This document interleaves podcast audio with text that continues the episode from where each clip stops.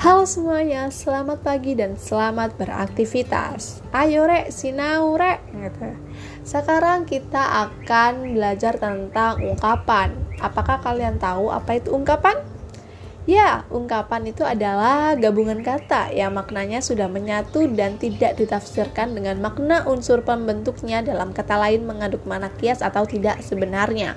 Jadi ungkapan itu adalah uh, kiasan, bukan makna yang sebenarnya. Jadi uh, maknanya itu ganda gitu loh majemuk kayak gitu. Terus apa sih jenis-jenis ungkapan itu ya kan? Uh, ya jenis-jenis ungkapan itu ada. Yang pertama kata ungkapan penuh. Yang mana kedua unsur kata yang memberikan satu makna baru. Tidak ada kaitan makna dengan makna dari satu unsur ke unsur yang lain. Contohnya seperti ini buah bibir. Nah buah bibir ini bukan apa ya uh, yang lain-lain. Tapi dia itu sebagai bahan pembicaraan kayak gitu biasanya adu mulut. Ya mulutnya bukan diadu-adu gitu enggak. Tapi kita apa bertengkar. Jadi apa ya ungkapan penuh itu seperti itu. Seperti uh, berat hati. Berat hati tuh kayak nggak tega gitu loh. Kayak gitu. Lanjut ke kata ungkapan sebagian. Contohnya uh, bekerja keras. Lah bekerja keras ini bukan apa ya bekerja dengan keras itu bukan tapi bekerja dengan sungguh-sungguh kayak gitu teman-teman. Jadi kata ungkapan sebagian itu adalah dua kata yang memberikan makna baru kayak gitu makna baru. Lanjut ke uh, bentuk berdasarkan bentuknya. Uh, itu ada sebagai bentuknya ya ada bentuk ungkapan sebagai suatu ungkapan sebagai suatu perbandingan. Nah perbandingan seperti apa sih? Gitu kan. Perbandingan adalah kata-kata yang memberikan suatu perbandingan tetapi mempunyai sifat yang sama. Contohnya kayak gini kepala batu gitu kepala batu itu membandingkan kepala seseorang yang begitu keras dengan batu yang begitu keras. Jadi perbandingan misalnya uh, kepala batu uh, batu kan keras. Nah seseorang itu kepala batu berarti diibaratkan uh, seseorang itu sama seperti batu yang sama-sama kerasnya seperti itu. Lanjut ke uh, jenis unsur.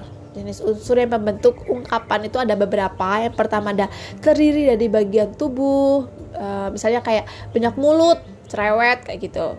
Terus muka dua orang yang tidak dapat dipercaya karena dia itu kadang ngomong iya kadang ngomong enggak seperti itu. Terus terdiri dari kata indra contohnya seperti uh, keras hati tidak cepat putus asa eh tidak maaf tidak cepat putus asa terus terdiri dari kata warna misalnya darah biru. Oh berarti darah biru bukan uh, darahnya warna biru tapi dia itu keturunan bangsawan seperti itu.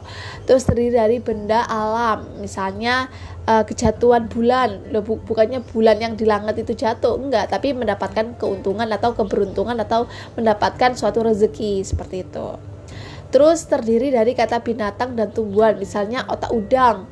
Otak udang itu bodoh karena kan kita tahu uh, udang itu kan otaknya kecil dan mungkin uh, makanya diibaratkan dia itu dengan bodoh kayak gitu. Misalnya bunga tidur itu mimpi kayak gitu. Naik daun.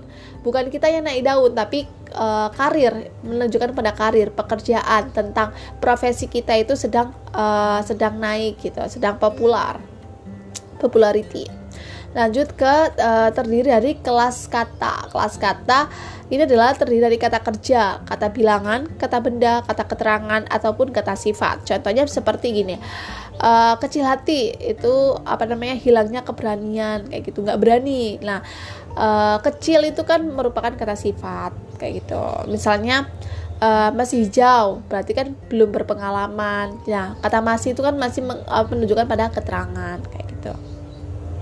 Seperti itu teman-teman untuk pembelajaran ungkapan kali ini. Mungkin uh, itu aja. Jika ada yang belum dipahami bisa kita diskusi dalam forum. Oke? Okay? Sekian uh, salam salam pendidikan, salam kebajikan dan salam semangat.